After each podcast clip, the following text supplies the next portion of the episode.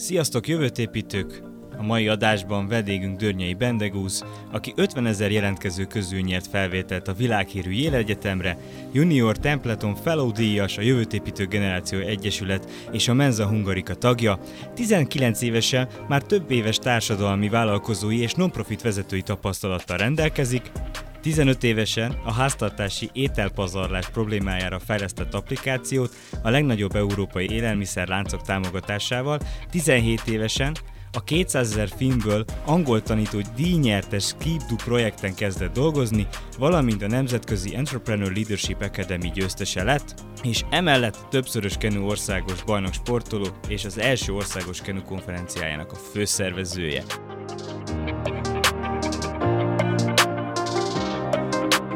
Itt van velünk Szabó Tamás Tavken. Sziasztok! Heller Z. Péter. Szerbusztok! Én pedig Mózes Gergely vagyok. Szerbusz Bende, hogy vagy? Sziasztok! Minden rendben. Szia Bende, jó, hogy itt vagy. Hát ezt hogy csinálod? 19 évesen bezippeltél egy olyan életet, amit más 40-50 év alatt sem csinál meg. Honnan van ez a nagy rendület? Hát mindig azt szoktam mondani, hogyha úgy fekszem le, hogy az adatnapon nem haladtam egy százalékot, vagy nem, nem volt meg a megfelelő gain, akkor egyszerűen azon gondolkozom este, hogy hogyan lehetne ezt orvosolni, és akkor addig nem tudok elaludni mondjuk hajnali háromig, négyig, ameddig nem érzem azt, hogy na valami történt aznap ez egy jó tulajdonság, persze rossz is megkikészít, de hogy, tehát, hogy egyre kevesebbet tudok aludni, egyre nehezebb, de egyébként vannak olyan időszakok, amikor egyszerűen csak van egy szünet, és akkor meg teljesen el tudom engedni ezt a folyamatos fejlődést. Mm-hmm.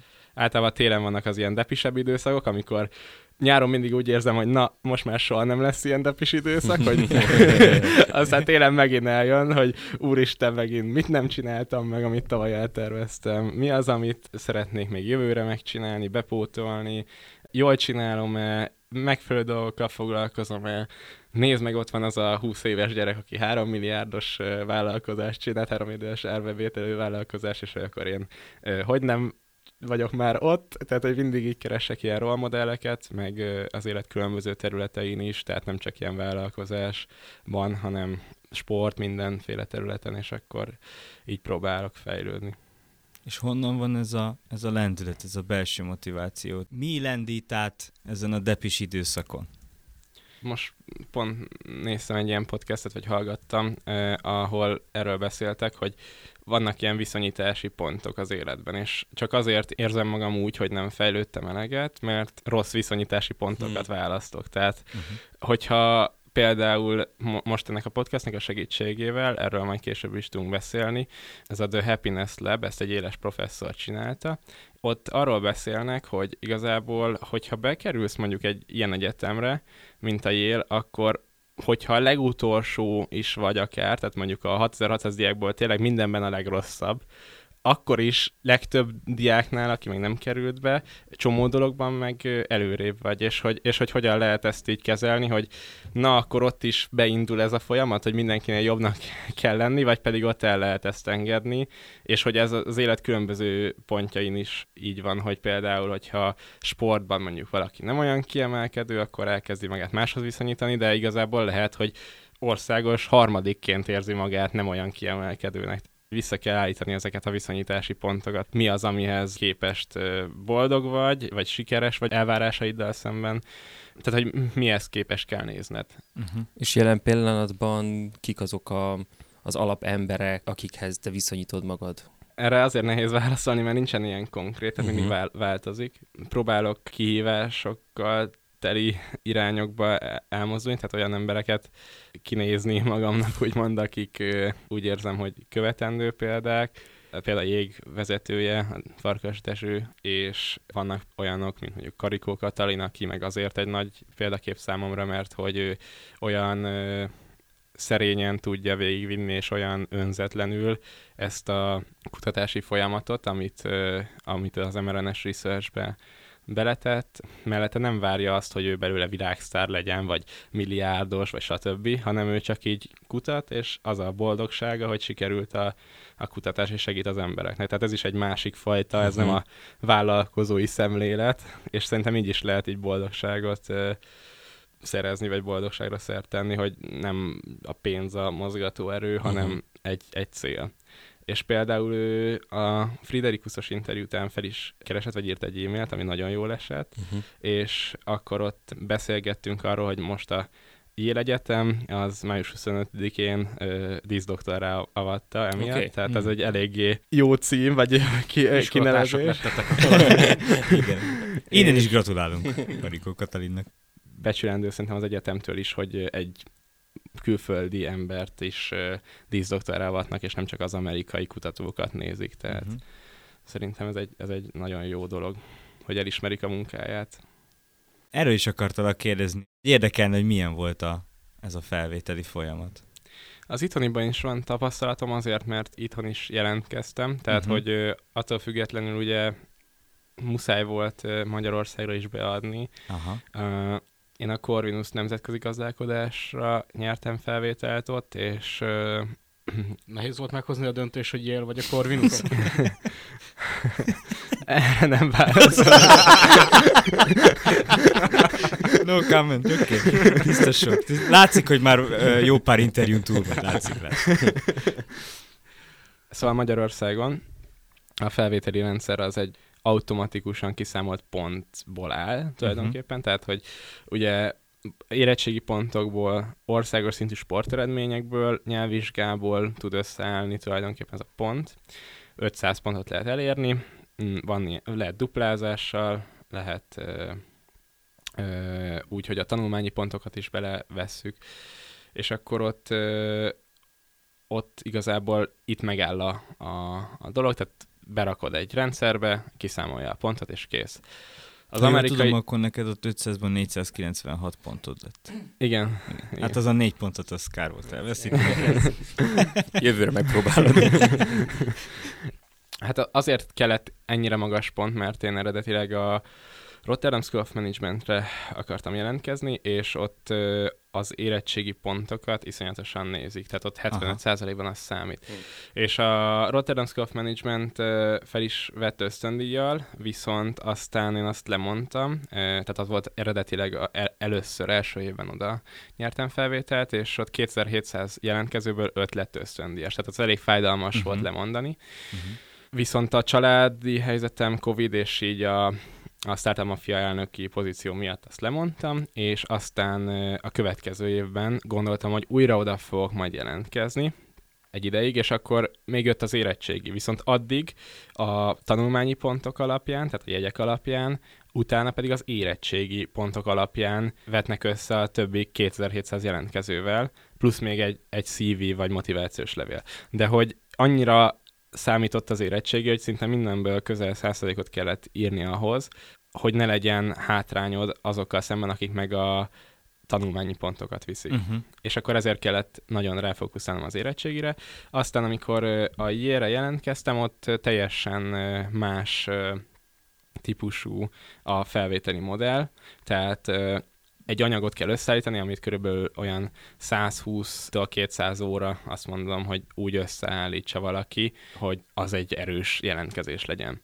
Itt eszéket kell írni, tehát van egy, egy hosszú eszé, 650 szavas, ami az identitásodról szól, van kettő 250 szavas eszé, kettő 125 szavas eszé, és négy rövid válaszos kérdés, tehát ilyen 35 szó, ilyen 200 uh-huh. Mhm. karakter. És akkor a rövid válaszosok között ott van az, hogy mondjuk mi motivál.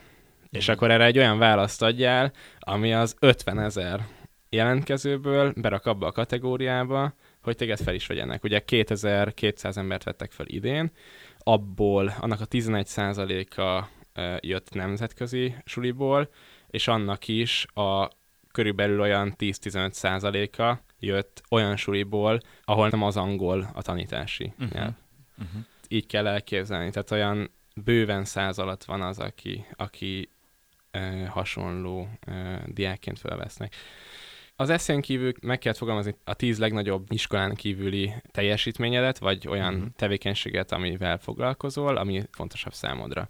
Ezeket is mind ilyen 200 karakterbe kell összefoglalni, uh-huh. tehát hogy mondjuk valamivel foglalkozol négy évet, uh-huh. és le kell írni 35 szóban, hogy az micsoda, mit értél el vele, milyen hatást gyakorolt rád fejlődésben, tehát hogy, hogy olyan szinten tömöríteni kell az információt, ez, ez benne a nagyon brutálisan sok időt igénylő, hogy egy ember ránéz, és a tizet el tudja olvasni mondjuk egy perc alatt, a tíz tevékenységet, amit mondjuk négy évig csináltál. Milyen érdekes, hogy azért valószínűleg itt Magyarországon sokan vannak, akik összesen nincs tíz dolog, amit fel tudna sorolni, és itt hogy úgy mondtad, hogy ki kell választanod tízet.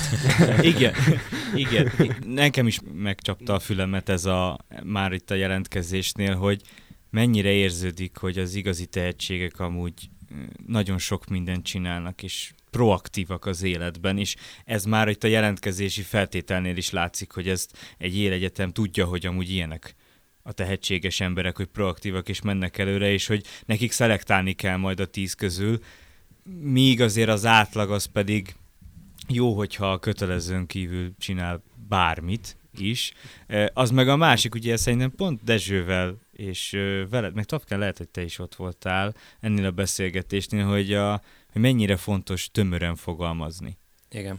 És hogy uh-huh, most mi a jégnél is a mentor programban is a, a motivációs levelet az 250 szóban kell majd a mentorokhoz megfogalmazni direkt. Ezért mi is elkezdjük ezt a folyamatot, hogy tömören, de ütősen kell átadni az információt. Igen, ebben az Elon Musk a, a tökéletes profi, aki tíz szóban leírja azt, hogy miket kell csinálni, különben ki vannak rúgva a felső igen, igen, na, nagyon durva. Ez is nagy különbség, hogy Magyarországon meg a karakter számra, meg oldal számra osztályoznak. Tehát, hogy, igen. És hány olyan beadandó meg vizsgám volt, ahol ahány lap olyan jegyet kaptam, tehát hogy ott meg a pont a fordított. Lorem ipsum. 250 szó az a, azok, amik a karakternövelésekre mennek, meg ilyenek, tehát pont az ellenkezője. Uh-huh. Hm. Hát meg mellette kellett öt olyan versenyeredményt felsorolni, ami a legbüszkébb vagy, és ott azt mondják, hogy egy, mondjuk, hogyha egy nemzetközi versenyeredmény ér 100%-ot, akkor egy ö, nemzeti versenyeredmény, hogyha nem az usa vagy, ér mondjuk 5%-ot, és egy ilyen megyei, az mondjuk egy százalék. Tehát így, így kell elkezdeni, hogyha nincsen mondjuk két-három olyan nemzetközi, amit ismerhetnek, akkor ö, ott eléggé el lehet csúszni például ennél. Hm. Nekem az volt a nagyon nagy szerencsém, hogy be tudtam írni az, az elát, a vállalkozói vezetői akadémiát, ami egyszer Connecticutben volt, egyszer Győrben, évente uh-huh. cserélődtek, és pont a, az input program mellett a Connecticut Center of Arts and Technology nevű intézmény uh, csinálta, és ott amerikai és brit és kanadai diákok ellen versenyeztünk, vagy diákokkal versenyeztünk magyarokként, kiderült, beírtam a Google-be így a jelentkezés írása közben, hogy ez a Kanket, ez 200 méterre van a Yale campusztól. Hmm. Tehát pontosan ismerik, hogy, hogy, hogy mi az, és redesül visszanéztem a videókat, amik 2019-ben arról a versenyről készültek, és kiderült, hogy a Yale-nek az innovációs lebjének a vezetője az ott volt a versenyen, és nézett minket. Tehát, hmm. hogy ez egy eléggé közel álló verseny, és akkor ezt is úgy kellett megfogalmazni, hogy a teljesen idegen admission officer az rájöjjön a 20 szóval, hogy ez az a verseny, uh-huh. amiről valószínűleg maximum csak hallomásból valahonnan, uh-huh. vagy lehet, hogy nem is hallott róla. Én ezt úgy orvosoltam például ebben az esetben, hogy odaírtam a várost is, és a New Haven egy elég kis város, uh-huh. és akkor, vagyis hát ahhoz képest, tehát hogy ugye mekkora az USA, és valószínűleg összerakta, hogy akkor ez az a konket, ami uh-huh. ott van mellettük, hogyha, uh-huh. tehát oda, odaírtam, hogy Entrepreneur Leadership Academy, Vesző New Haven, uh-huh. és akkor így volt a... A szavaknak mekkora ereje van. Beszéltünk a tehetségről, hát látszik, hogy mennyi munkát raktál bele, nem csak a jelentkezésbe, hanem az elmúlt évekbe, és szerinted tehetség versus munka, az a te életedben, az hogy van jelen? Egy ős tehetségnek tartod inkább magad, nem. vagy egy kitartó embernek, aki amúgy tehetséges? Tehát, hogy így ezen a skálán uh-huh. Meg hogy mit gondolsz erről, hogy elég a tehetség, vagy azért, azért kell ott mellé az a, az a munka is, vagy hogy aki sokat dolgozik, de nem mhm. annyira tehetséges, azt tud elérni. Hasonló. Szerintem tud. Azt gondolom, hogy gyerekkoromban voltak olyan területek, amin nagyon-nagyon-nagyon tehetséges voltam, például a matek. Viszont ezt a tehetségemet azért, mert hetedik osztályig nem nyitottam ki matek könyvet, olyan jól ment, tehát hogy nem, Mhm, nem, nem mhm, kellett, nem volt rá mhm. szükségem. Tényleg ilyen országos versenyeredmények voltak, mindig top 3-ban tudtam ott lenni, főleg az olyan versenyeken, ahol ami valami innovatív gondolkodási mechanizmust igényelt, nem pedig az, hogy, tehát, hogy az ilyen hossz, nagyon sok kérdés rövid idő típusúakban nem voltam annyira jó, viszont a öt kérdés, öt óra típusúakban, uh-huh. vagy ilyesmi, ott nagyon jó voltam, mert ott mindig ki kellett találni valami új, új megoldást. Uh-huh. És ezt a tehetségemet úgy nagyjából elvesztegettem, tehát hogy ö, itt nem voltam eléggé szorgalmas, ezért mondom, hogy kell hozzá a szorgalom is szerintem, hogy valaki megtartson egy tehetséget. Ö, nem gyakoroltam a matekot, nem foglalkoztam vele annyira, nem az volt a, a mindenem, pedig hogyha valószínűleg gyakoroltam volna naponta mondjuk egy órát, akkor lehet, hogy még ö, ilyen világversenyeken is tudtam volna eredményeket elérni, de így örülök, hogyha már ilyen 7., 8., 9. környékére visszacsúsztam az ilyen megyei, megyei szintre, és akkor úgy tudtam versenyezni, de igazából Mhm. nem volt az, hogy ó, minden versenyen nagyon kiemelkedőt írtam. Úgyhogy ez így sajnos el lett vesztegetve, viszont vannak olyan tehetségek, amik meg útközben alakultak ki, például ugye a vállalkozások terén, vagy ugye a kapcsolatépítés terén, Uh-huh. és akkor az úgy, az, az úgy folyamatosan fejlesztettem, mert az közelebb állt hozzám, ami tényleg megmaradt a matekból ez, a, ez az innovációs vonal, hogy folyamatosan gondolkodni, kreatívan, ötletelni, stb. stb. És akkor azt, azt viszont gondoztam, azt a tehetséget, és akkor az úgy jobban sült el. Viszont az még nagyon gyerekként nem volt annyira domináns, tehát szerintem ez így útközben alakult. Tehát Mhm. pont mind a kettőre van egy példa, egy ilyen elvesztegetett tehetségre, Mhm. ami adatot volt, vagy úgy éreztem, hogy adat, adatot ne, nekem, és azt elvesztegettem, és ami meg így útközben alakult, szerintem. Hm. Én mindig annak a híve vagyok, hogy az alázat. Nekem az az alap. Tehát, hogyha az alázat van, arra épül minden más, a tehetség, a kitartás, a, a, a, minden. Tehát szerintem az egész élet az alázatra épül, mert ha az nincs meg, akkor, akkor nincsen alapja. És a versenysport nagyon jó ebben. Aha, ezt Egyébként. akartam kérdezni, hogy mit adott neked a, a sport, és hogy mennyit foglalkozol önfejlesztéssel.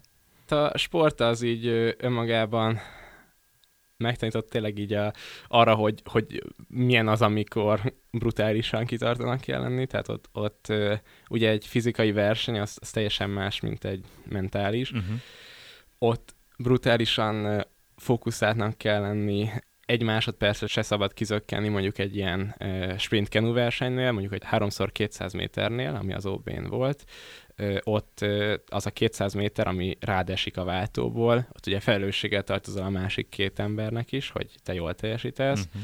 Mindenféle változó körülmény van minden egyes pillanatban, ezt szerettem a kenuban, hogy nem volt mondjuk kettő olyan verseny, ahol hasonlóak a körülmények. Egyszer Mhm. innen fújt a szél, egyszer így hullámzott, melletted elkezdett mondjuk sprintelni valaki, és akkor a, a vízén alig tudtál fennmaradni. Tehát, hogy, hogy annyiféle körülmény van egy ilyen, egy ilyen kenuverseny, és annyira ott kell lenni fejben, vagy akár egy edzőtáborban annyira kitartóan kell küzdeni, hogy, hogy az somó mindenre megtanít. Tehát volt ilyen, mondjuk reggel hétkor ébresztett minket egy ilyen dudalszó, amit Mhm. mondjuk kitalálta a Mátyás, az edzőnk, és akkor utána meg öt perccel később ott kellett ö, sorakozni futás helyett a jéghideg Dunában úszni. Tehát, hogy így ö, Uh-huh.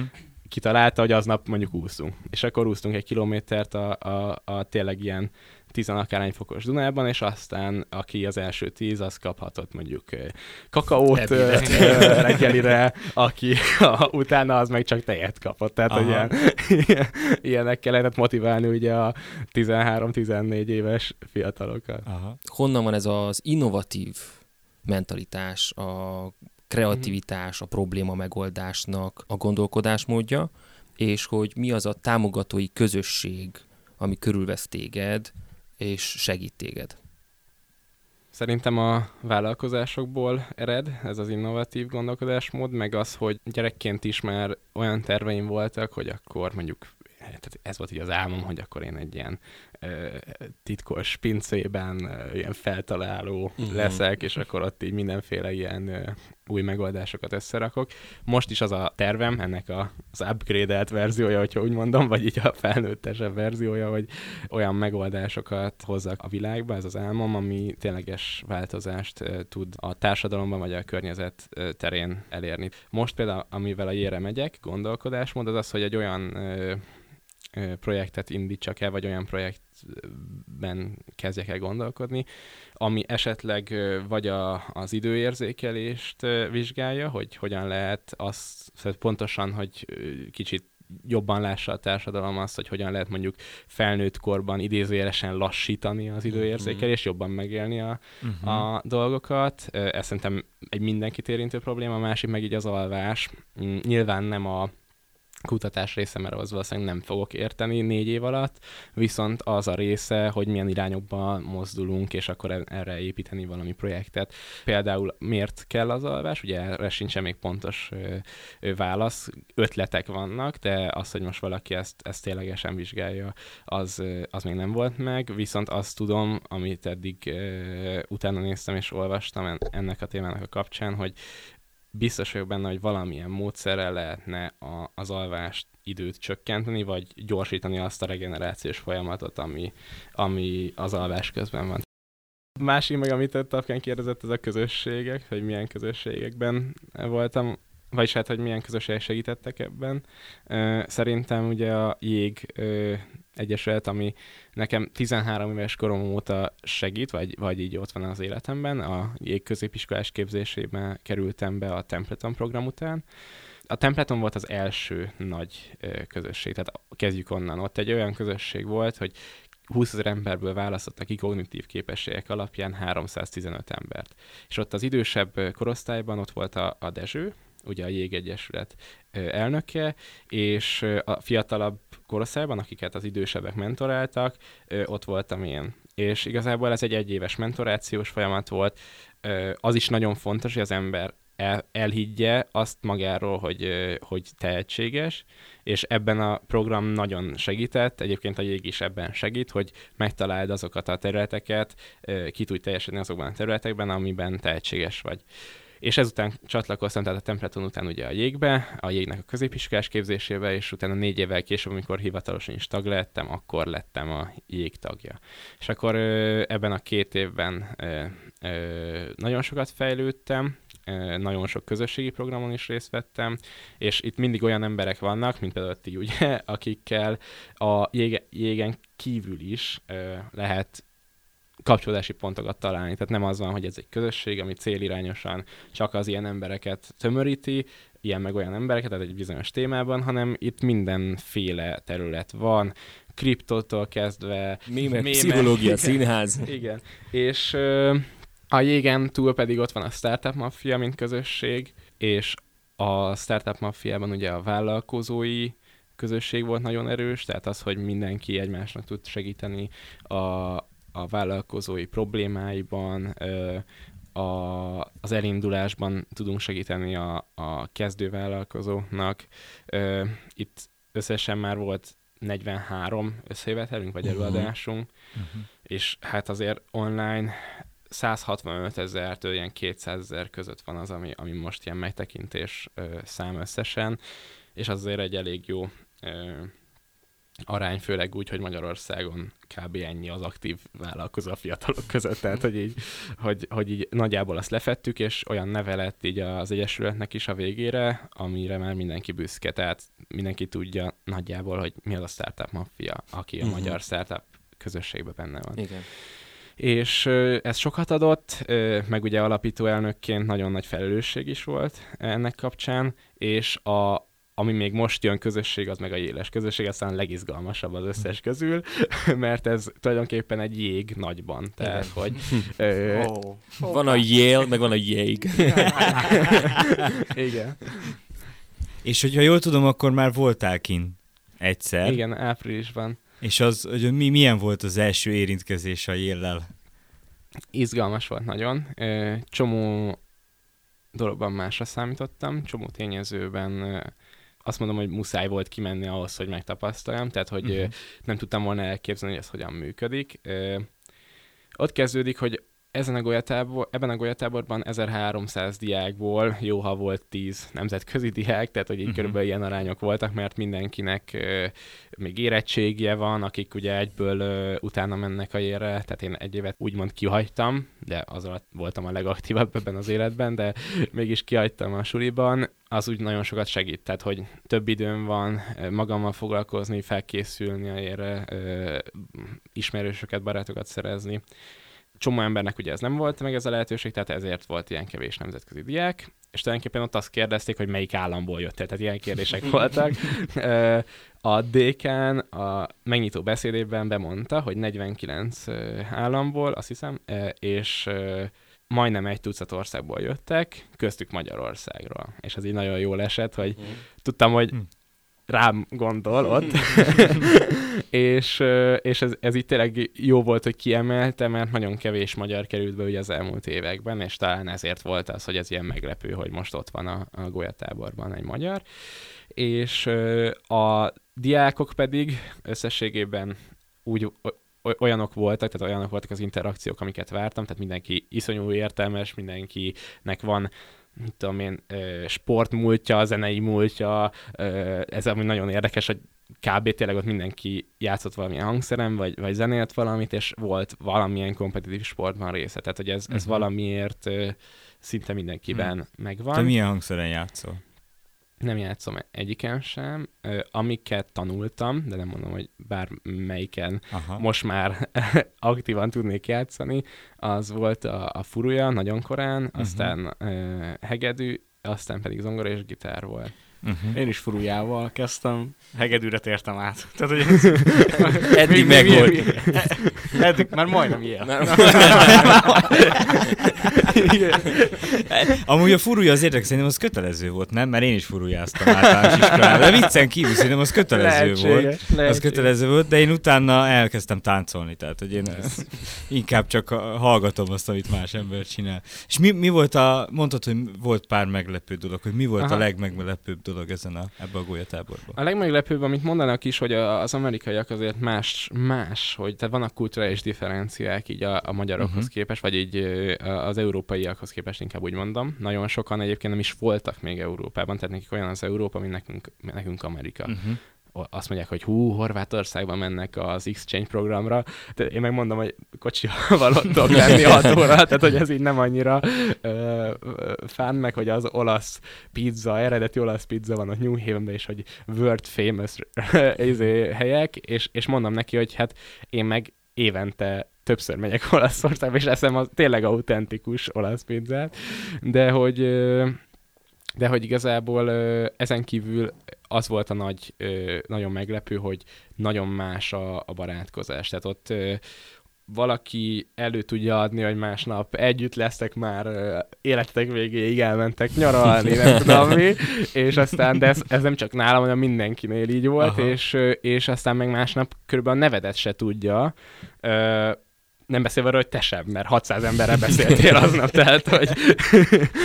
és ez volt a nagyon meglepő, meg ilyen overwhelming, hogy tényleg hogyan lehet kapcsolatokat kialakítani, és teljesen más, mint Magyarországon. Nagyon könnyen elhitetik egymással, hogy nagyon jóba vannak, és egy kicsit ilyen mű, ilyen álca, és az álca mögé kell valahogy férkőzni ahhoz, hogy valakivel barátságot tudja uh-huh. ö, kialakítani, nem beszélve arról, hogy ugye nyelvi ö, ö, olyan fordulatok, olyan szlengek vannak ö, a, a nyelven, amit sokszor úgy, hogy előtte mondjuk hetente egy órát beszélsz angolul, úgyhogy 0-24-ben angolt kell beszélni, és úgy ismerkedni, az úgy nagyon-nagyon fárasztó volt. Tehát mondjuk 5 uh-huh. óráig ö, közel százszerzékosan teljesítettem, hogy, hogy megértsem az angolt, meg minden, ö, utána a következő 5 órában meg mondjuk csak 60 százalékosan nap végén meg már alig tudtam makolni valamit angolul, és az úgy, az úgy eléggé, ö, eléggé lefárasztott, uh-huh. meg mhm. eléggé megnehezítette azt, hogy ö, ö, tényleg ö, őszintén tudjunk beszélni, mindent választékosan, mert hogy me- megkérdezik, ugye ez is a halálom, hogy, hogy how are you, de amúgy pontosan leszarják, hogy you, tehát hogy ez így, ezek nekem annyira, ezek a felületes dolgok kicsit ilyen, ilyen furák, de meg lehet valószínűleg szokni ezeket egy idő után, illetve amit még akartam mondani, hogy nagyon sok embernek attól függetlenül, tehát hogy úgy van, hogy felvesznek a jérre, és mindenkinek, hogyha felvesznek, ez az egyik suli a négyből, ami Amerikán belül nyújthat a nemzetközi diákok számára is, hogy a családi helyzetettől függetlenül lehetővé teszik, hogy mindenképpen végig tud járni a négy évet. Tehát financiálisan úgy fognak megsegíteni, amennyire rászorulsz. Viszont csomó ember magánsuliból érkezett, nem szorul rá, stb. Na most nekik az, hogy mondjuk New Yorkba eltaxizzanak, és mondják, hogy egy couple hundred bucks, az, az, így, az így nem érdekes. Tehát mondjuk 300 dollárért eltaxiznak New Yorkba, ez nekik egy nem apró pénz. Tehát, hogy azért ezt is meg kell szokni, ezt a, ezt a nagyon nagy különbséget, illetve mondtam egy lánynak, akivel, aki jövendőbeli osztálytársam lesz, és New Yorkban találkoztunk. Ez egy elég belső sztori, csak így mondom, hogy ö, ö, legyen egy elképzelésetek, hogy mondjuk mondtam, hogy egy magyar pénztárszabarát helyet kéne keresni, ahova be tudunk ülni, és mondta, hogy tud egy nagyon olcsót. És megnéztem a menüt, és 14 dollár volt egy kafé latte. Tehát, hogy ilyen, ilyen, ez a nagyon olcsó nekik, hogy 5000 forintos kávé, és azok, azért ezeket is meg kell szokni, hogy vannak, akik ott ilyen körülmények között jönnek. Tehát uh-huh. ott van a Jeff Bezosnak a fia mondjuk például, uh-huh. a, a most, aki ott tanul. Tehát, hogy, és azért a világ egyik leggazdagabb emberének a fia, hogy ott, ott tanul abban a tanteremben, amiben te vagy, és csomóan meg ugye magyarokhoz képest is nagyon-nagyon-nagyon szegényebb környezetből jöttek, vagy, vagy úgy mondom, hogy kevésbé tudják megengedni maguknak ezeket. A, tehát ez a kettőség az mindig ott van. Úgyhogy e, erre is hmm. oda kell figyelni, hogy ö, hogyan lehet ezt áthidalni, hogy valakinek mondjuk nem számít egyáltalán a pénz, van, aki meg mondjuk dolgozik azért, hogy ki tudja fizetni az ösztöndíja mellett a maradék 2100 dollár. Tehát, hogy, uh-huh. hogy ez, a, ez a különbség, ez mindig ott lesz szerintem, és ezt azért remélem, hogy a négy év után ez így csiszolódik, uh-huh. hogy mhm. megértik azt, hogy van, akinek mondjuk ez nehezebb, és megértik azt is, hogy akinek meg könnyű, az meg nem szórakozásból csinálja ezt, hanem egyszerűen ilyen életet élt korábban. Tehát, hogy neki ez nem, nem azért, hogy felvágjon vele, hogy ő most taxizik, hanem ő ahhoz szokott, hogy úristen, taxival, hogyha nem taxival megy, akkor az neki mennyire rossz, mert húznia kell bőröndöt, kényelmetlen, stb. Uh-huh. És a, amit még akartam mondani, az az, hogy a közbiztonság borzalmas. Tehát, hogy ott... Mindenki fegyverrel mászkál. Hát e, ez, ez az egyik. A másik pedig, hogy mióta megvan a éles e-mail címem, háromszor jött ilyen alert, hogy volt shooting New Havenben. Most ez egy elég kis város, tehát uh-huh. kb. a kampusz mellett bár nem volt semmi olyan nagyon vészes, de hogy azért ezek meglepő dolgok, hogy mondjuk kapsz egy alertet hajnali háromkor, hogy nem menjen az XY utca és a nem tudom melyik utca sarkára, mert hogy ott van a lövöldözés, és hogy ameddig nincsen ilyen police clearance, addig, addig nem menj oda kerül el. És erre vannak ilyen nagyon-nagyon durva biztonsági szolgáltatások a jélen, hogy 2500 ilyen kék lámpát kihelyeztek, az hiszem 2500-at a kampusz minden területére, az úgy van elhelyezve, hogy minden, bárhol állsz, látsz kettő kék lámpát, oda tudsz rohanni, és megnyomod, és hogyha megnyomod, akkor automatikusan elindul a kameraképe a környező oszlopoknak, tehát látják, uh-huh. hogy mhm. mit csinálnak veled, és mind a két rendőrség, mert a ilyenek van egy saját rendőrsége, a rendőrség és a New Haveni rendőrség is egyből oda rohan, kiküld egy egységet, és hogyha nem történt semmi, csak mondjuk megijedtél és úgy nyomtad meg, akkor se kell érte fizetni. Tehát ennyire fontos nekik az, uh-huh. hogy, hogy mindenki biztonságban legyen és a másik pedig, hogy van egy applikáció, amit ugyanezt meg lehet csinálni, hogy segítséget hívsz, van olyan, akik hazakísérnek bármikor, bárhol vagy, tehát A pontból B-be átkísérnek, van egy busz, ami ugyanezt meg tudja csinálni, tehát fölvesz A pontban, elvisz B pontba, hogyha jobban érzed úgy magad. Minden ilyenre van megoldás, és ez szerintem amúgy nagyon fontos is, csak egyrészt, tehát egyrészt fontos, másrészt meg szomorú, hogy ugye ez szükséges az amerikai filmek bemutatnak egy ilyen nagyon erősen bulizós, nem tudom, tógában mászkálós a kampuszon életérzést, illetve hát sokaknak vannak a magyarországi gólyatáborokkal kapcsolatos élményeik, vagy hát milyen az ilyen buli kultúra, volt-e már ebben részedként? Hát itt a golyatábor az egy nagy differencia van a, a magyar golyatáborokhoz képest, hogy itt jogilag nem szabad inni. Tehát, hogy tulajdonképpen ezért uh-huh. van Mhm. megtiltva a, az ivászat, hogy ö, 21 éves korig nem is szabadna inni.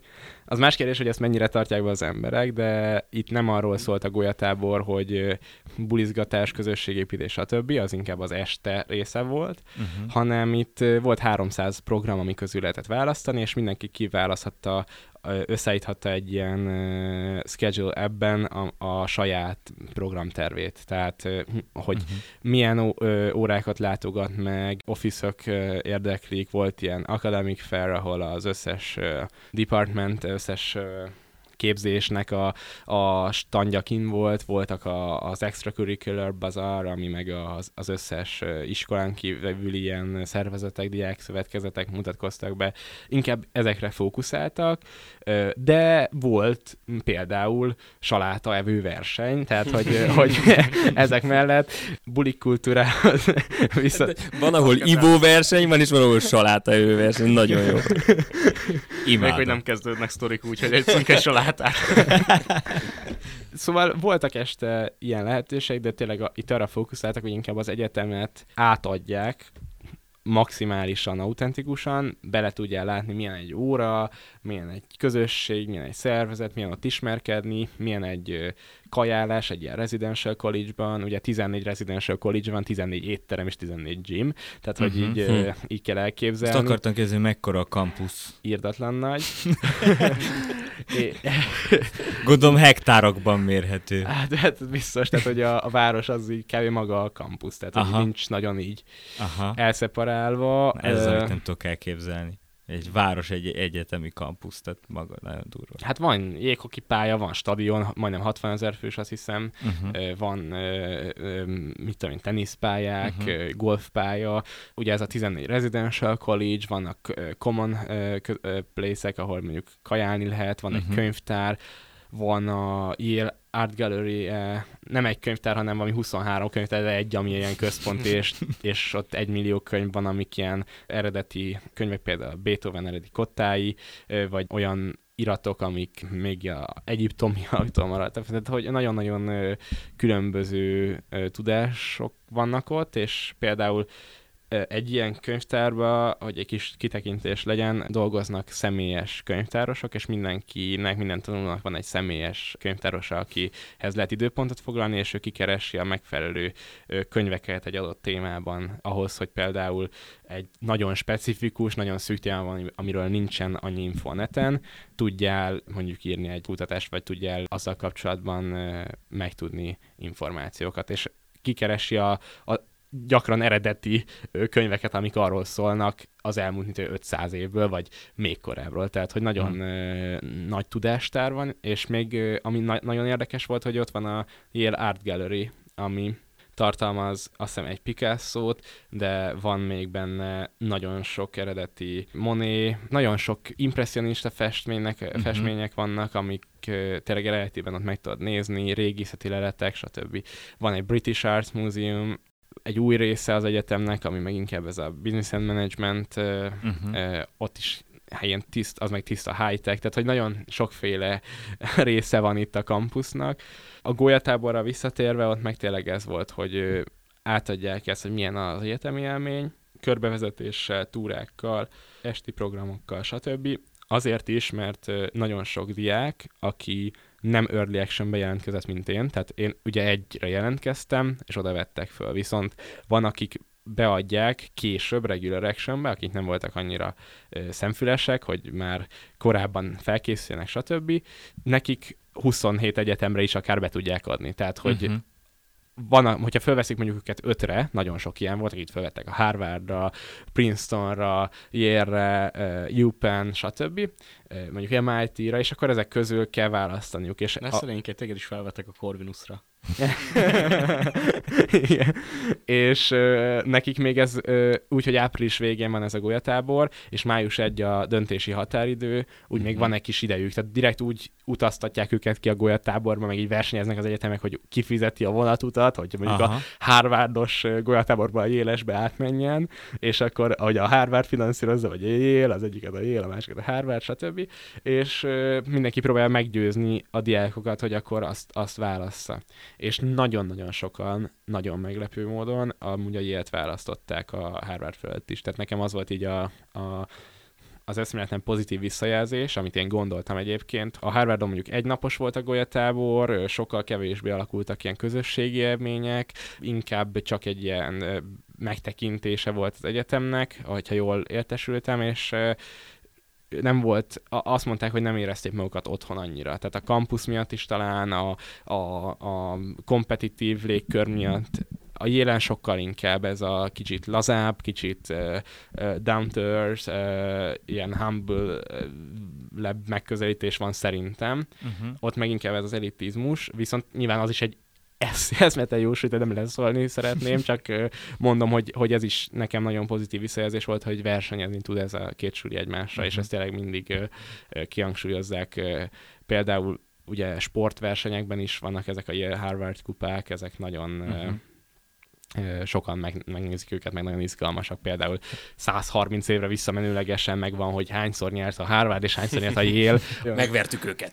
De, de ez jó, mert amúgy ez, ez szerintem a, a, az egészséges és jó versenyzés az mindig fejlődést hoz. Tehát ez mind az üzleti életben, mind itt látszik az egyetemeknél is. Meg azt érzem így, ahogy mesélsz, hogy minden egyetemnek van egy saját személyisége. Tehát, hogy ilyen, ilyen tényleg, uh-huh. hogy olyan emberekkel rezonál, akik, hát, hogy nem jobb az egyik a másik, jó, persze versenyeznek, és biztos jobb az egyik a másik, de hogy uh-huh. végső soron nem, mert mind a kettőt támogat, és nekem ez az, amit ebben az egészben, amit most meséltél, az jött át, hogy ez a zöldtor módszeres működés, hogy mindent megadnak annak, hogy, hogy te bármit kérsz, akkor támogatunk hogy, hogy előre menj, és nem a büntetés alapú, hanem a jutalmazás alapú és a proaktivitást uh-huh, igen. ösztönzik, igen. ennek a jegyében támogatva a fiatalokat, hogy érdekelne, hogy mi volt számodra az a könyv, vagy akár vlog, vagy podcast, ami a legtöbbet adott. Vagy mém. vagy mém. Az S kár Fizetett ponzorációt hallottuk. A le, ami a legtöbbet adott neked önfejlesztő valamilyen tudásanyag. Nagyon érdekes, mert ezt nagyon sokan kérdezik, hogy melyik az a könyv, amit tudnék ajánlani, de nincs, nincs ilyen konkrét, tehát nekem sokkal inkább megfogtak a, a podcast, vagy inkább, sokkal inkább a YouTube, meg, uh-huh. a, meg az ilyen audiovizuális anyagok. Podcastek terén, ami mostani lesz a kis csalással, de a Golyatábor óta hallgatom, a The Happiness Lab nevű uh-huh. podcast, a Dr. Laurie Santos csinálja. Ez egy olyan podcast, mint egy éles óra mintájára kreált a, a professzor. A, a hölgy egyébként azt vizsgálja, hogy minden olyan anyagot összeszedett, ami a, az emberi boldogságot kutatja uh-huh. a mhm. világban. Tehát például minden egyes adásban egy-egy ilyen kérdést megvizsgál, hogy, hogy mondjuk 90%-ában boldogabb az, aki bronz medalist lett egy olimpián, mint aki silver medalist. És hogy miért van uh-huh. az, hogy a, az arany után a bronz a másik legboldogabb. Uh-huh. És például ez, ez nagyon fontos volt nekem így a viszonyítási pontok megértésében, hogy ugye ott az az expectation-nel állsz az utolsó versenyszámhoz, hogy vagy arany vagy ezüst érmes leszel, és hogyha ezüst érmes leszel, akkor, akkor boldogtalanabb vagy. Viszont a bronzérmes az meg ugye legyőzte azt, aki meg nem kapott egyáltalán érmet. Uh-huh. Tehát ő, ő voltak ilyen happiness szkórok, hogy 2000 ember azt hiszem az a nyerés utáni arcot így lepontozta, hogy szerintem ennyire boldog, és valami hét és fél volt a, a bronze medalistnek, még 4,5 volt a silver medalistnek. Hmm. Tehát már kb. Majd, majdnem a boldogtalan csalódott kategória. És hát a Happiness Lab azért is különleges számomra, mert ott ültünk egy órán, ez egy ilyen nyílt óra volt a golyatáborban, 250 ember, az óra végén egy random professzor, tehát bárki lehetett volna érről, ő pont pszichológiával foglalkozik, meg ugye ezzel a boldogságkutatással, elmondta, hogy amúgy az ő órája volt a legsikeresebb így a, a jélen 2018-ban, amikor elindítottam, mert 30 emberre számított, és 1200-an regisztráltak a kurzusra. Aztán, és azóta is minden évben ez a legsikeresebb kurzus, és ilyen világhír lett belőle, tehát először a nemzetközi, azt hiszem, hogy a Fox News közvetítette élőben az előadásait, és aztán meg, aztán meg már ilyen nemzetközi híre lett, és mondta, ez, egyébként ez fogott meg abban, hogy akkor már rákeresek, hogy mi is az a podcast, hm. hogy amúgy nekem van egy podcastem, és ilyen casually mondja, hogy 75 millió ember hallgatja. És ez az érzés, amikor 75 millió ember hallgat egy egy embert, aki ott van így veled szemben, és mondjuk ott ülsz 5 méterre, és ott a 250 a teremben, és veletek foglalkozott egy órát, na ez az az érzés, amit egyébként a, a jélen ilyen leírhatatlan, tehát ez, ez, ilyen, ez ilyen teljesen, totálisan eszméletlen, meg fantasztikus. Mm. Uh, és ezért is kezdtem el hallgatni, de valószínűleg lesz még ezer másik podcast. Tehát, hogy ezt azért tudom ajánlani, mert tényleg rávezet arra, hogy mi az a, a valós uh, uh, lépések az életben, amitől boldog tudsz lenni, és nem uh, segít abban, hogy legyőzz ezeket a depressziósabb időszakokat, uh-huh. segít abban, hogy motivált legyél újra, tényleg mindig olyan emberekkel beszélget, akik a legjobban tudják átadni az adott témáról, például az oversharing, hogy mindent megosztunk, elmegyünk uh-huh. valahova, és az élmény helyett a megosztással uh-huh. foglalkozunk, uh-huh. vagy most például a, a mostani rész, amit hallgatok, az az, hogy choice overload, hogy egy bemegy egy boltba, és 350 féle uborkából lehet választani, uh-huh. és hogy volt mondjuk egy kutatás, hogy mondjuk, hogyha 5 uh, szempölt adnak ingyen egy lekvárból, akkor utána 25% esélye vásárolnak, míg hogyha 30 szempölt adnak, akkor csak 5% esélye uh-huh. mert hogy annyiféle választás volt, hogy sokkal jobb, vagy nagyobb esélye gondolja úgy, hogy rosszul választott utólag. Uh-huh. Hát igen, ez, marketing szempontból ez a döntési fáradtsághoz uh, van köze. Marketing pszichológia, imádom, ezért szeretem a marketinget. De egy millió ilyen téma van, azért mondtam most Nagyon, ezeket, én, én biztos, igen. hogy engem meggyőztél. Tehát, ne, nekem eladtad. Én, én megvettem ezt a podcastet, természetesen csak utánunk hallgassátok meg És ha még nem tettétek, akkor hallgassátok vissza az előző podcastjainket. Bende, nekem ez egy nagyon inspiráló beszélgetés volt, hatalmas energia van benned, és, és látszik, hogyha az ember mer nagy célokat kitűzni, és megvan az alázat és kitartás, és mellette a környezet, tehát hogy keresni kell a támogató környezetet, akkor nagyon nagy dolgokat lehet elérni. Én szeretném, hogy majd egy év múlva, hogyha Magyarországon vagy, akkor egy ilyen új podcast adásban mesélni majd a jéles, eh, jéles létről, és hogy, hogy milyen volt az első év, úgyhogy majd várunk vissza téged a, a podcastbe. Nagyon szépen köszönjük, hogy elfogadtad a meghívást, és hát eh, azért egy utolsó fun fact így a végére, hogy a jégbe a jelentkezés az 18 éves kor volt, és Bende miatt lett 17, mert annyira akart jönni, hogy már egyszerűen nem bírtunk a nyomásnak, és, és lejjebb vittük egy évvel. Utólag is köszönöm Úgy, mi, mi, köszönjük, mi, mi köszönjük, hogy, hogy tényleg egy ilyen úttörő fiatal is a közösségünk tagja lehet, és hogy egy ennyire bízol és szereted a, a közösséget, ez, ez nekünk is egy jó visszajelzés. Úgyhogy köszönöm szépen ezt a beszélgetést, Köszönöm Jók szépen legyetek. a meghívást. Jók legyetek, köszönjük, hogy hallgattatok. Itt volt velünk Szabó Tavás Tapkán. Sziasztok. LRZ Péter. Szervusztok. Dönnyei Bendegúz. Hello, sziasztok. És Mózes Gergely. Sziasztok.